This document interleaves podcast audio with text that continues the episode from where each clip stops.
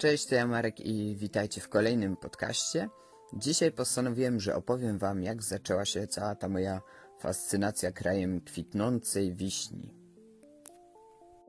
Cofnijmy się jednak do czasów, kiedy Game Boy Advance był absolutną nowością na rynku. I wtedy powychodziło trochę na niego gier, w tym jedna, której tytułu już dobrze nie pamiętam, ale co pamiętam to to, że była po japońsku. Uznałem wtedy, że a co tam przetłumaczę sobie ją z Google Translatorem i będę wiedział o co chodzi w grze.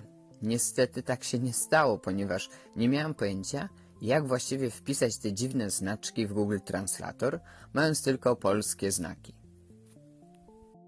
No i wtedy jakby mm, zaniechałem tego pomysłu, ale w kilka miesięcy później z mamą wybraliśmy się do Centrum Manga w Krakowie, gdzie tam była wystawa bodajże Andrzeja Wajdy, tam fotograficzna, a przy okazji okazało się, że na półce w sklepiku jest książka, e, chyba mówię po japońsku, to była taka pier taki pierwszy podręcznik, jaki w ogóle mm, zasilił moją kolekcję do nauki języka japońskiego. Początkowo oczywiście było trudno, bo mm, będąc jakby takim samoukiem, nie mając e, żadnego wsparcia strony jakichkolwiek nauczycieli Japoń czy Japończyków, no to mm, dobrnąłem do jakiegoś tam etapu nauki japońskiego, uznając oczywiście, że o, ale mi super idzie, jak to super brzmi, jak ładnie piszę. No i żyłem sobie w, tej, e, w tym złudzeniu. Ponieważ działałem już ponad 10 lat w harcerstwie, e, na stronie Wydziału Zagranicznego głównie kwatery ZHP pojawił się news, że w 2015 roku odbędzie się Światowe Skautowe Jamboree, czyli taki zlot dla harcerzy skautów z całego świata, w którym bierze około 40 tysięcy osób. Co ciekawe jest to, że było to mm, news, który pokazał się praktycznie mm, chyba 7 czy 8 lat przed całym zlotem i wtedy uznałem, że jeżeli będzie już szykowana reprezentacja z Polski na to, to muszę w niej być. Było to raczej takie tylko mm, luźne wyobrażenie tego tematu, ponieważ wtedy sobie myślałem, że to takie marzenie, które raczej się nie spełni, ale jakoś w 2010 roku już postanowiłem, że pora zacząć oszczędzać, ponieważ takie zloty są strasznie drogie i szacowałem, że będzie to naprawdę ogromny wydatek.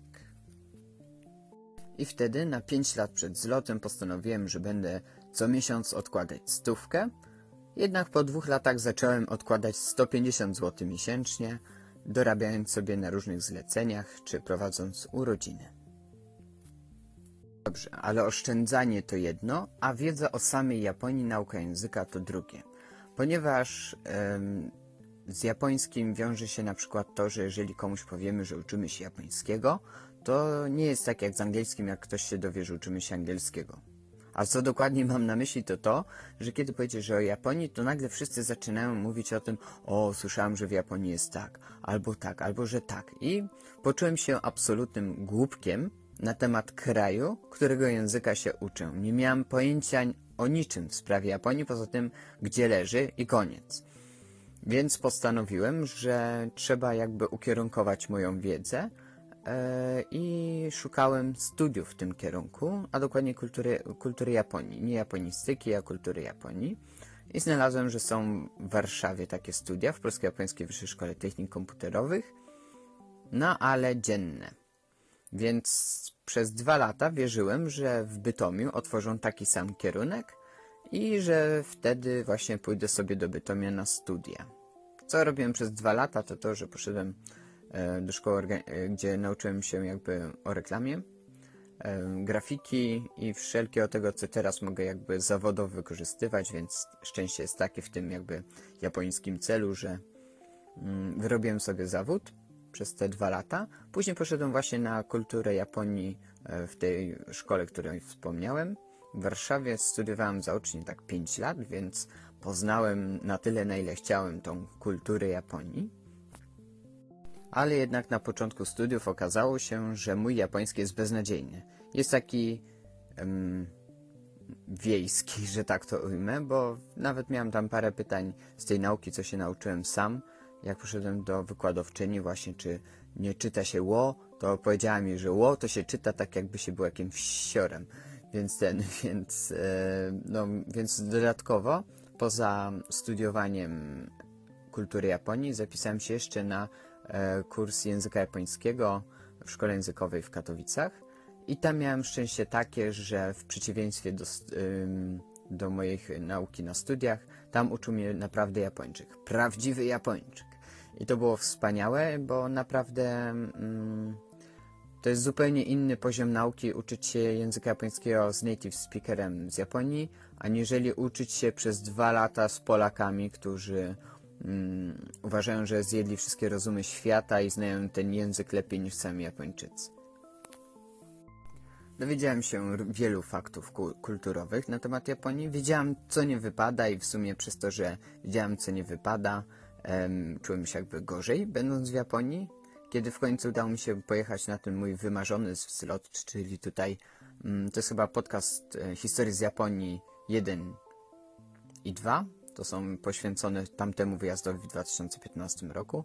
Wtedy nauczyłem się, czego nie wypada i się ciągle wstydziłem za tych wszystkich obcokrajowców, którzy jechali ze mną w pociągu, bo nie zachowywali się tak, jak powinni się zachowywać e, wszyscy ludzie według Japończyków. Więc nie byli spokojni, krzyczeli, no robili taką absolutną wiochę, a ja się za nich wstydziłem, co było strasznie głupie, jakby się nad tym zastanowić. No ale tak było. Nadszedł 2015 rok, ja zgłosiłem się do służb zlotowych jako fotograf i zostałem przyjęty. I tak naprawdę spełniło się moje marzenie, ponieważ wcześniej jakby tą drogą do tego zlotu, do tej Japonii wybrałem się na przykład na praktyki do głównej kwatery ZHP. Tam się wyuczyłem dodatkowych jeszcze innych programów. Dużo się naprawdę nauczyłem przez ten jeden cel, którym była Japonia. Może wcale nie musiałem, ale bardzo chciałem i tak by mi dodatkowo otworzyło furtkę na świat i zacząłem trochę postrzegać wiele tematów inaczej niż wcześniej. Wiadomo, że im więcej punktów widzenia, tym jakby szersza perspektywa tego, co się widzi. Więc w 2015 roku doznałem tak zwanych szoków kulturowych, ponieważ e, okazało się, że wiele tego, co mi nauczono na studiach na temat Japończyków, to jest psin co prawda. No nie ma tego jak łagodniej ująć. To była jakaś absolutna hała i się na miejscu okazało, że Japończycy wcale nie są aż tak zamknięci, wcale nie zbywają cię aż tak, jak miało to miejsce podczas mojego pobytu, więc no tak, tak, więc e, uznałem, że te studia nauczyły mnie jakiś absolutny głupot, więc cieszyłem się, że znam jakieś tam zasady savoir vivre i mm, może takich nawyków Japończyków, ale wszelkie kwestie ciekawostkowe na temat e, Japończyków, których się dowiadywaliśmy na studiach, no to w ogóle nie okazały się prawdą. Może były prawdą na przykład 20 lat wcześniej, kiedy Japonia nie miała jeszcze tylu turystów z zachodu, no ale zdecydowanie mm, jest teraz znacznie inaczej niż było wtedy.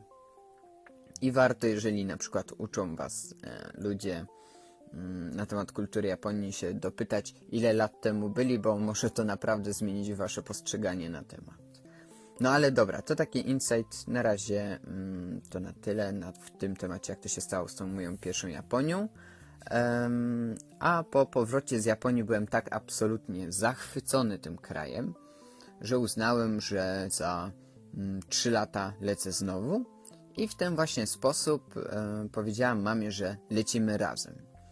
Dlatego w tym roku, e, dokładnie na Wielkanoc, na 3 tygodnie, pojechali, polecieliśmy do Japonii e, i tam już absolutnie prywatnie, bo wcześniej to przecież byłem jako wolontariusz harcerski. Byłem w Japonii 3 tygodnie, a tym razem byłem 3 tygodnie dla siebie. Mogłem zwiedzić wszelkie miejsca, w których nie zdążyłem być podczas ostatniej wizyty. Miałem znacznie więcej do czynienia faktycznie z Japończykami, bo mieszkałem u nich przez Airbnb. E, I przez te jakby mm, 3 lata zacząłem się bardziej uczyć japońskiego. W sensie, że od mojego powrotu bałem się, że, wie, że wrócę z Japonii i przestanę się uczyć języka, a tak naprawdę zacząłem się go bardziej uczyć I na tym wyjeździe dużo więcej rozmawiałem po japońsku niż na ostatnim i dużo więcej rozumiałem, co można śmiało powiedzieć, że czułem ogromną satysfakcję, że jednak te lata nauki w końcu się na coś przełożyły.